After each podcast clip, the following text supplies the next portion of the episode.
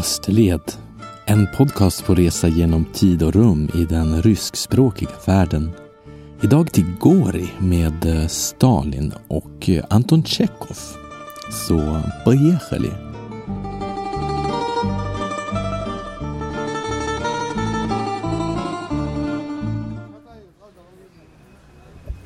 Mm. Här sitter jag nu och vaktar vårt bagage i skuggan.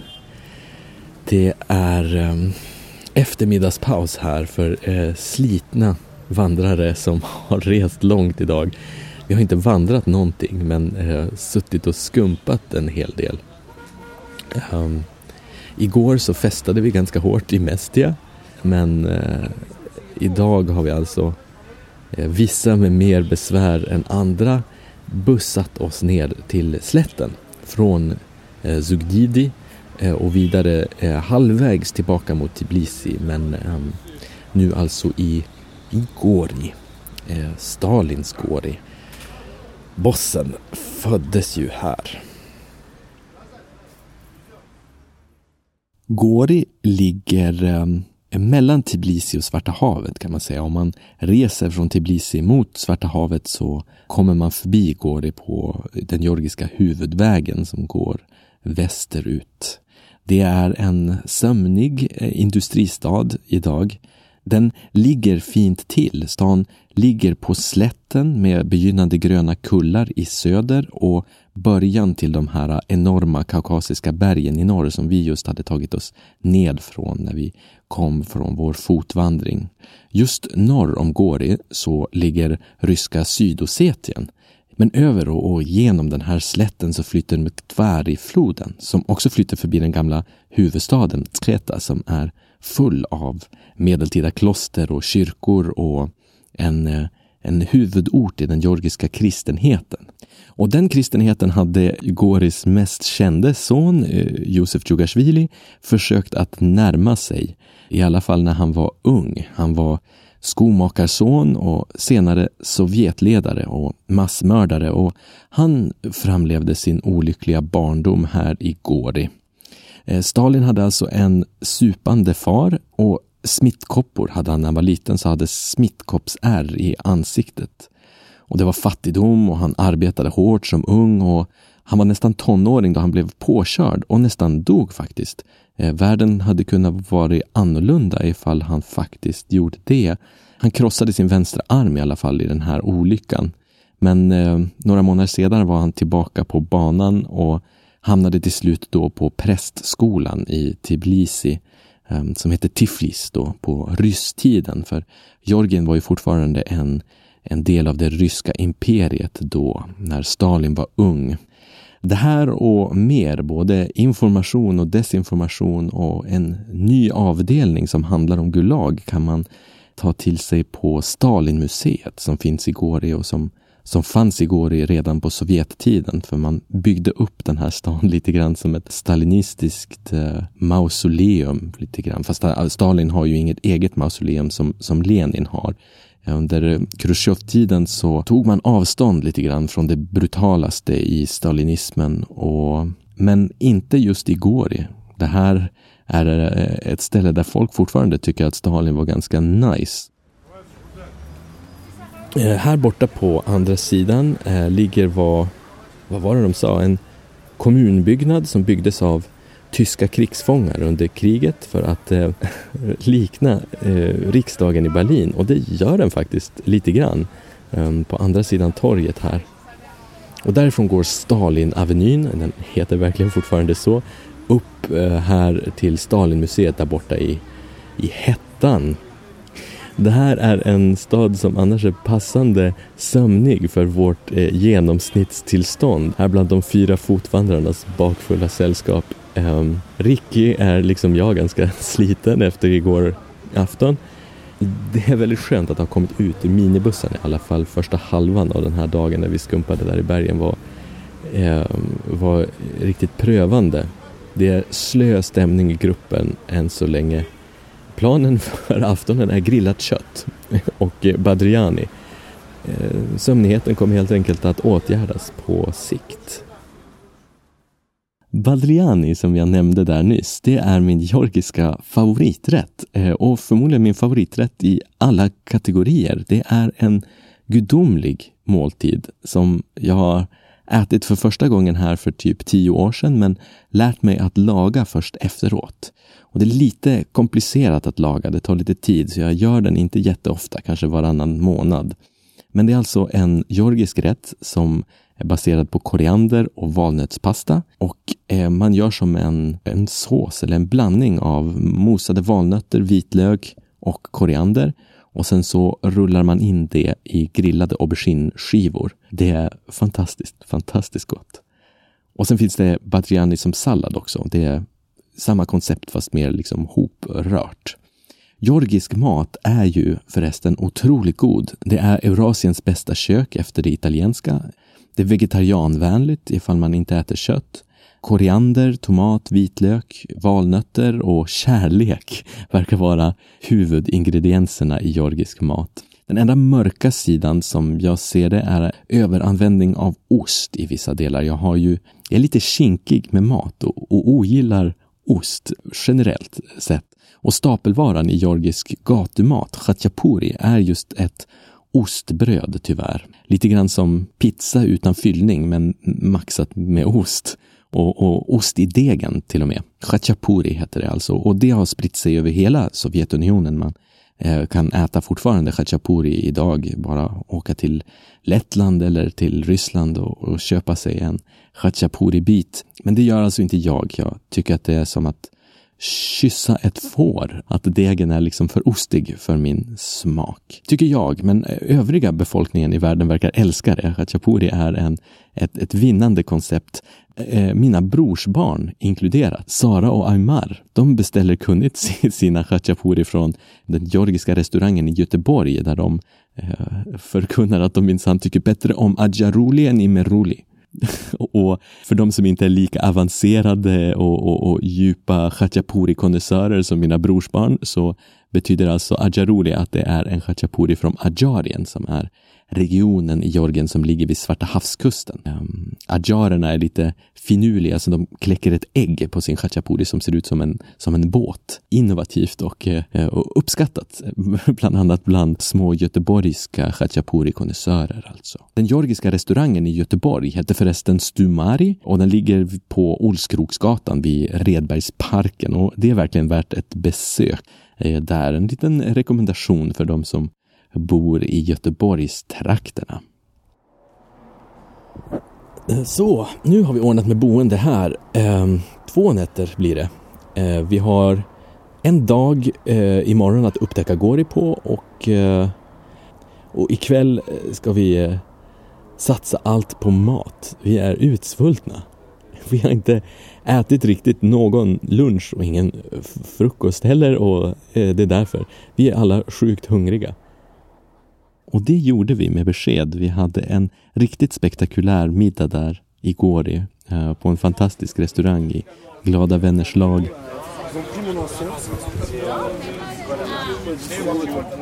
Um, på belgisk franska säger man ”soupé” om att äta middag, um, som i vanliga fall heter dîner på, på vanlig eh, franska. Och även eh, eh, gruppens enda fransman, Ricky, är ju så belgifierad nu för tiden att han säger ”soupé” också. Det är lustigt när man har eh, använt en hel dag skumpandes i buss och eh, lovat sig själv att man inte ska dricka så mycket vin igen så, så blir det ju så att när man väl får sina första Badriani framför sig så eh, tar det fart igen och nu har vi hittat det här stället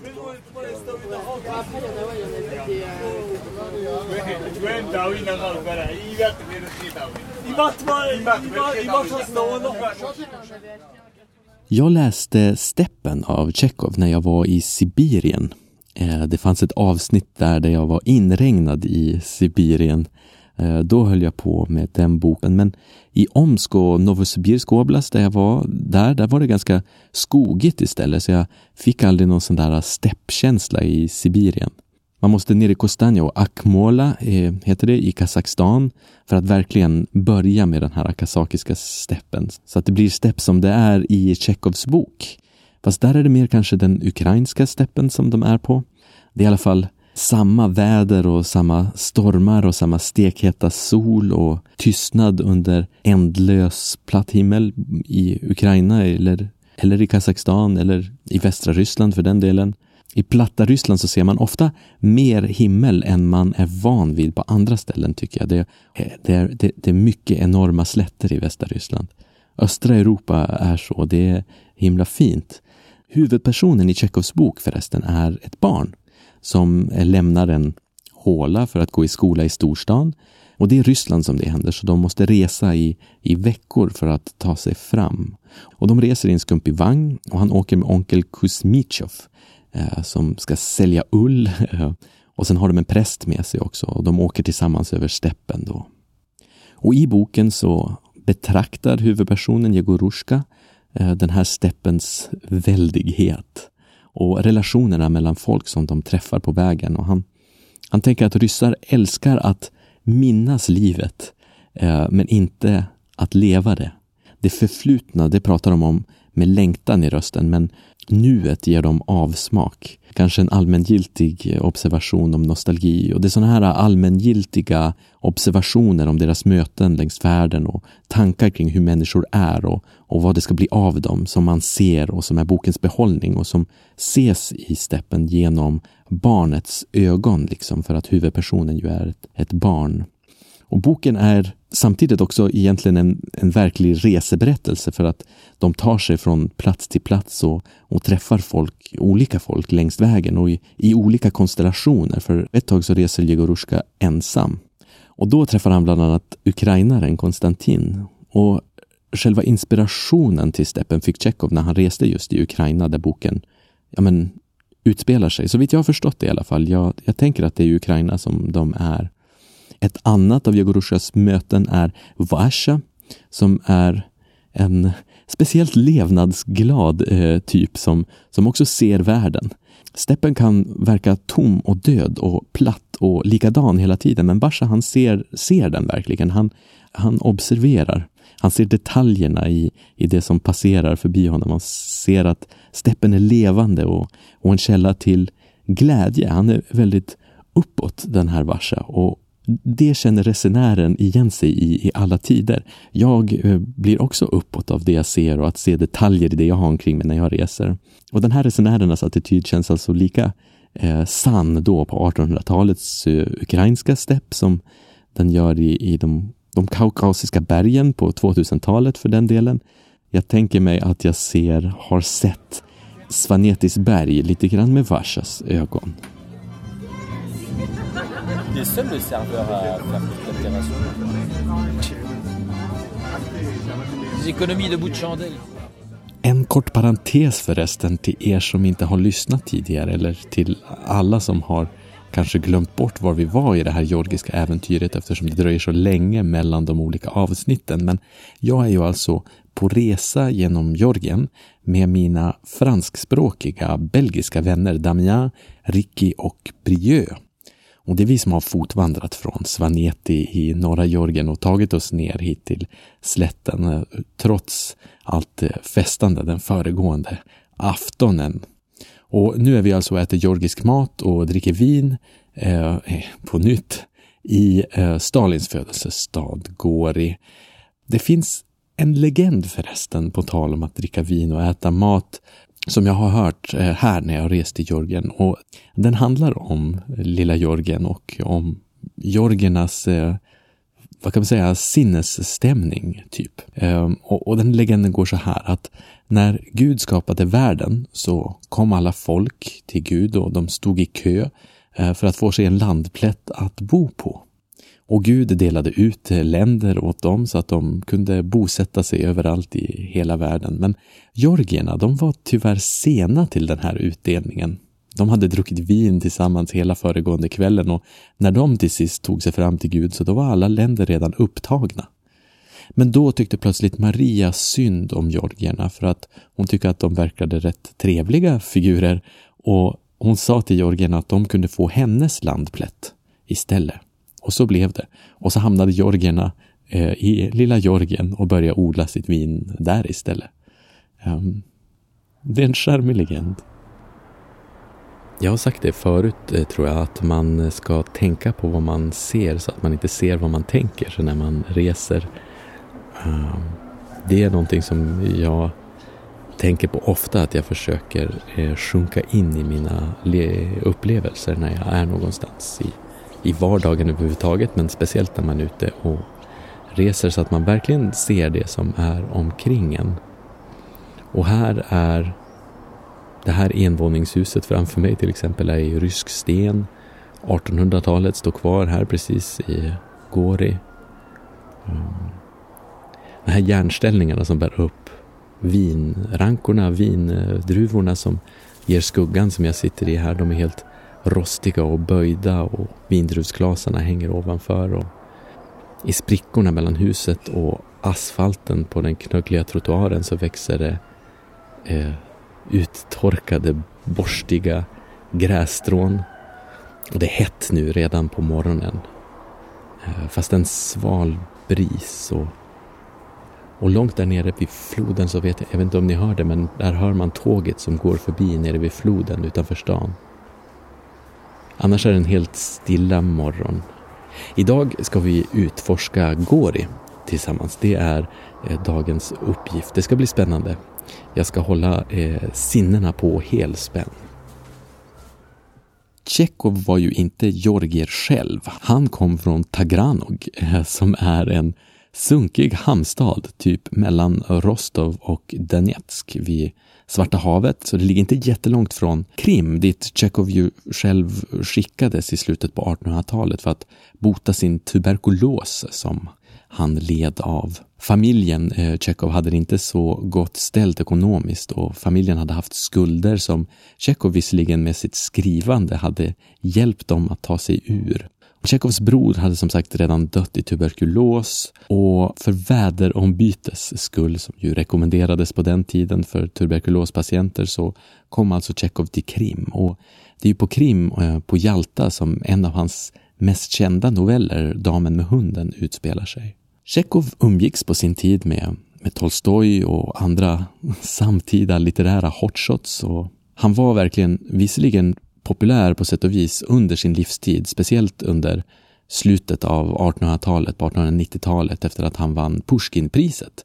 Men det var först efter hans död, nu som var 1904, som eh, Tjechovs popularitet verkligen exploderade. Och han är en bra representant för en eh, rysk eh, sekelskifteslitteratur. Han är väldigt lättillgänglig, eh, kan man säga. Dels genom sitt format, för att det är mycket noveller och eh, eftersom att de är kortare så är det lite färre namn och färre karaktärer och mindre tegelstensartade böcker som ryska klassiker annars är, som typ hos Tolstoj eller Dostojevskij oftast. Och något som ofta är avskräckande för folk som vill börja läsa ryska klassiker men tänker att allting är som krig och fred. Om Dostojevskij är ett skrovmål så är uh, Tjechov kanske mer eh, små mumsbitar eller tapas som också är mindre deppiga och tunga än de många av de andra stora klassikerna. Istället har Tjechov en som sorglös, ironiserande, mörk rysk humor hos sig ibland som är himla god. Okej, okay här står alltså huvudpersonen i begrepp att köpa en pistol eftersom hans fru har varit otrogen. Så därför ska han skjuta henne och älskaren eh, och sen sig själv. En eh, klassisk känslostinn 1800-talslösning eh, på sådana problem. Säljaren i pistolbutiken är klockren karaktär här. Inte kan väl min herre köpa en dålig revolver från vårt inhemska Tula? Tula är alltså en vapensmidesstad i Ryssland nära Moskva som är känd just för sin vapentillverkning. Om man köper en pistol från Tula då kommer man ju sikta på sin fru men träffa sig själv istället. Välj istället den här, Smith Western. Tidigare kunder har varit mycket nöjda med den när de har dräpt sina hustrus älskare. Här kan man ana både en rysk humor hos Tjechov och någon form av ryskt mindervärdeskomplex. Man tänker att det egna ryska måste vara sämre än det fina importerade.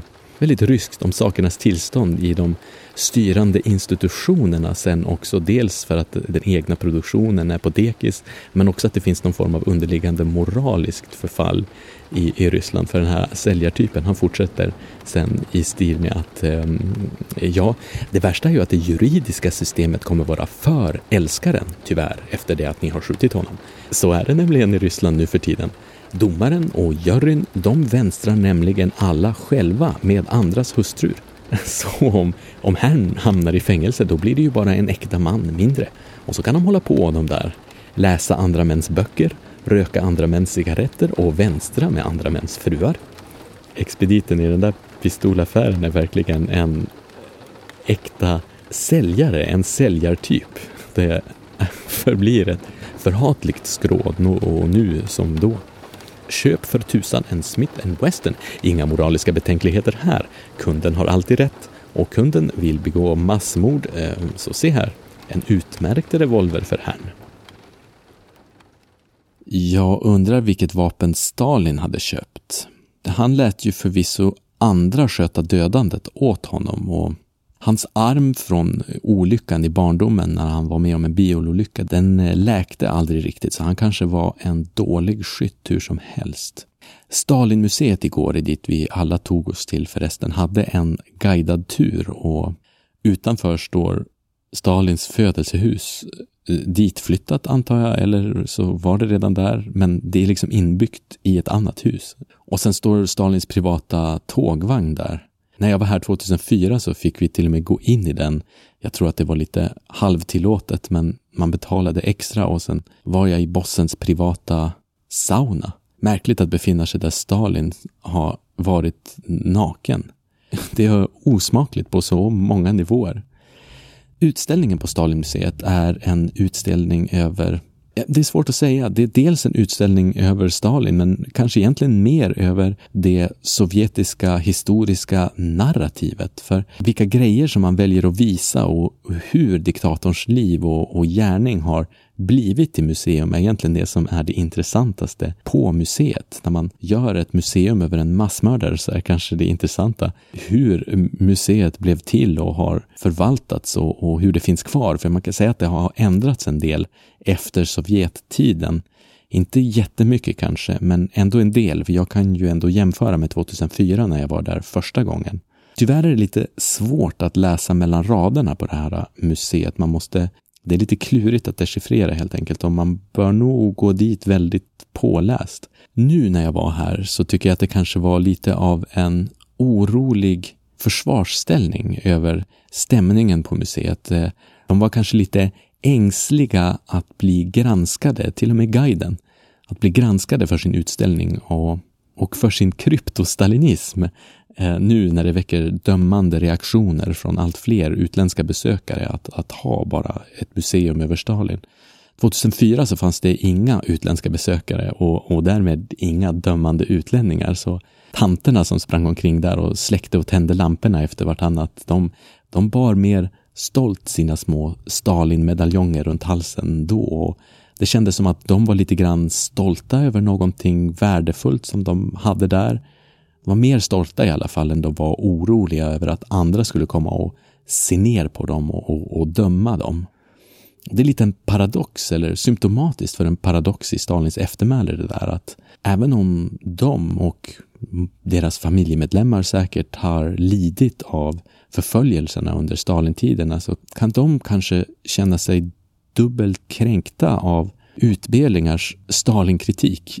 Det låter konstigt men jag tror att det är lite grann av att han må ha varit ett monster, men han var i alla fall vårt monster. Och sen har ju många postsovjetiska stater inte gjort upp med sitt sovjetiska förflutna och de tiotals miljoner döda och hundratals miljoner människoöden som drabbats så negativt av Sovjetsystemets våld och den känsla efter Sovjets fall av att inte ha gjort upp med det förflutna samtidigt som att det finns en känsla av en, en förlorad och förgången storhet och historisk viktighet som Sovjetimperiet uppbar gör att nostalgi för den tiden pervers nog kan leda till att, att Stalin ses lite som en positiv representant för någonting som var positivt. Jag kan förstå att folk kan bli stötta av att man kritiserar stalinismen fast än de själva har varit mer offer för den. Det är en komplicerad relation helt enkelt. Men eh, det här museet och den här eh, konstiga balansgången är just ett symptom av att man illa har hanterat historien om kommunismens brott i Ryssland och i, i Georgien. Och, och det här lämnar i sin tur plats åt den här eh, historielösa och farliga egentligen absurditeten att Stalins renommé Eh, nu också är lite grann på uppgång i det forna Sovjet, speciellt i Ryssland där han förknippas med styrka och andra världskrigets segern och, och så, även om den segern ju kom till ett ohyggligt mänskligt pris, delvis på grund av Stalins svala intresse för människoliv. För om man gör resumé så är det ju ändå så att under Stalins tid så administrerades terrorn under 37 och 38 där man konsoliderade den sovjetiska diktaturen genom att rensa ut intellektuella och oppositionella och alla egentligen, folk från höger och vänster hejvilt emot en miljon människor då under terrorn bara inklusive då många partilojala partimän och Sovjetadministratörer som dömdes till döden i Moskva-rättegångarna eller skickades till Gulag. Eh, ingen gick säker under terrorn. Israel Plinjer till exempel var chef för Gulag-systemet, men han avrättades också. Det gjorde också Stanislav Kosior som hade organiserat Holomodon i Ukraina några år tidigare där Miljontals ukrainare dog i en organiserad svältkampanj som var riktad främst mot ukrainare. Och förutom det folkmordet så finns det de många folkfördrivningarna som administrerades under Stalintiden också. Hundratusentals koreaner och tyskar och olika kaukasiska folkgrupper som tvingades till Centralasien eller bara systemet av arbetsläger som byggdes upp i tandem liksom med den sovjetiska ekonomin som grundade sig på att man hade den tillgången till slavarbete. Och på toppen av allt det där äh, under andra världskriget så slog ju dödandet helt bakut. Många av de slag som vände krigslyckan i andra världskriget till de allierades fördel och som ju ledde till att fascismen förlorade andra världskriget är resultatet av chockerande antal döda sovjetiska soldater och civila. Framförallt det tänker jag på som Stalins eftermäle. Han var alltså boss från mitten av 20-talet då Lenin dog och fram till sin död 1953.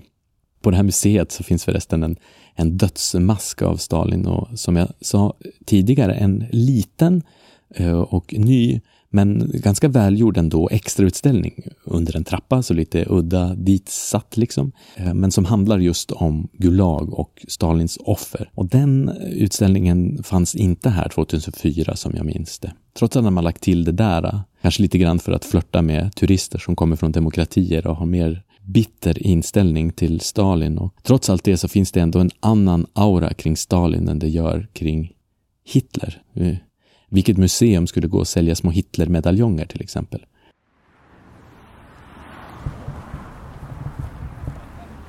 Det är mest byggnader från 1800-talet här. Det kanske var mer så här som Gori såg ut när Stalin var liten. Ehm, fast det kanske var en grusväg då förresten. De här husen är i alla fall från början av 1900-talet, i alla fall kanske äldre sån här förfallen 1800-talsstil som för mig nu har varit samma egentligen sedan jag reste från Pjatogorsk och Vladikavkaz och, och Tbilisi. Den, eh, den återfinns nu här helt i Gori. Det är verkligen samma stil. Det är riktigt fint. Jag gillar, jag gillar den här eh, landsbygdsryska stilen med envåningshus, max tvåvåningshus. Det här är, här är det två våningar. Hmm. En mysig stad trots allt detta. Vår upptäcktsfärd i Gori tog oss till ett gott lunchställe och sen uppför kullen upp till Goris fort som ligger på en höjd mitt i stan med utsikt åt alla håll. Här har jag hittat lä och skugga uppe på fortet i Gori. Um, um, norr om här ligger alltså nord, uh, Sydossetien, uh, ska jag säga. När jag vänder mig österut så ligger slätten eh, som vi har beslutat att gå utöver. Vi ska vandra ut över slätten och ta oss längst floden bort till Uplistseche. Eh, jag ska korrigera hur det där verkligen uttalas. Det är en grottstad som ligger där någon mil österut. Någon mil utöver steppen faktiskt ligger den där grottstaden. Eh, men eh, det blir i ett annat avsnitt. Den där steppen förresten skulle jag besöka en gång till under min tid i Jorgen, men då med tält, fast det är en annan historia. Jag beklagar lite grann det mörka temat med död och Stalin i det här avsnittet, men man kan inte resa riktigt till Kori utan att prata om Stalin och man bör inte prata om Stalin utan att minnas alla dessa hemskheter. Så jag vet inte, jag ska ta och läsa någonting upplyftande för att rena sinnet. Mina äventyr i Kaukasus fortsätter i nästa avsnitt i alla fall. Jag ska göra mitt bästa för att de kommer ut snart. Tills vidare så har jag eh, bilder på eh, hemsidan österled.nu med o, osterled.nu. Och eh, uppmuntrande nog ska jag säga också att tack som tusan till alla som har swishat ett bidrag till mina serverkostnader. Det är fantastiskt uppmuntrande. Tusen tack till er. Jag gör verkligen mitt bästa för att hålla igång någon sorts lagom intervall på avsnitten framöver. Eh, men tills nästa gång och ha det så himla gött. En eh, glad sommar på er. Och eh, ja, tills nästa gång. Packa!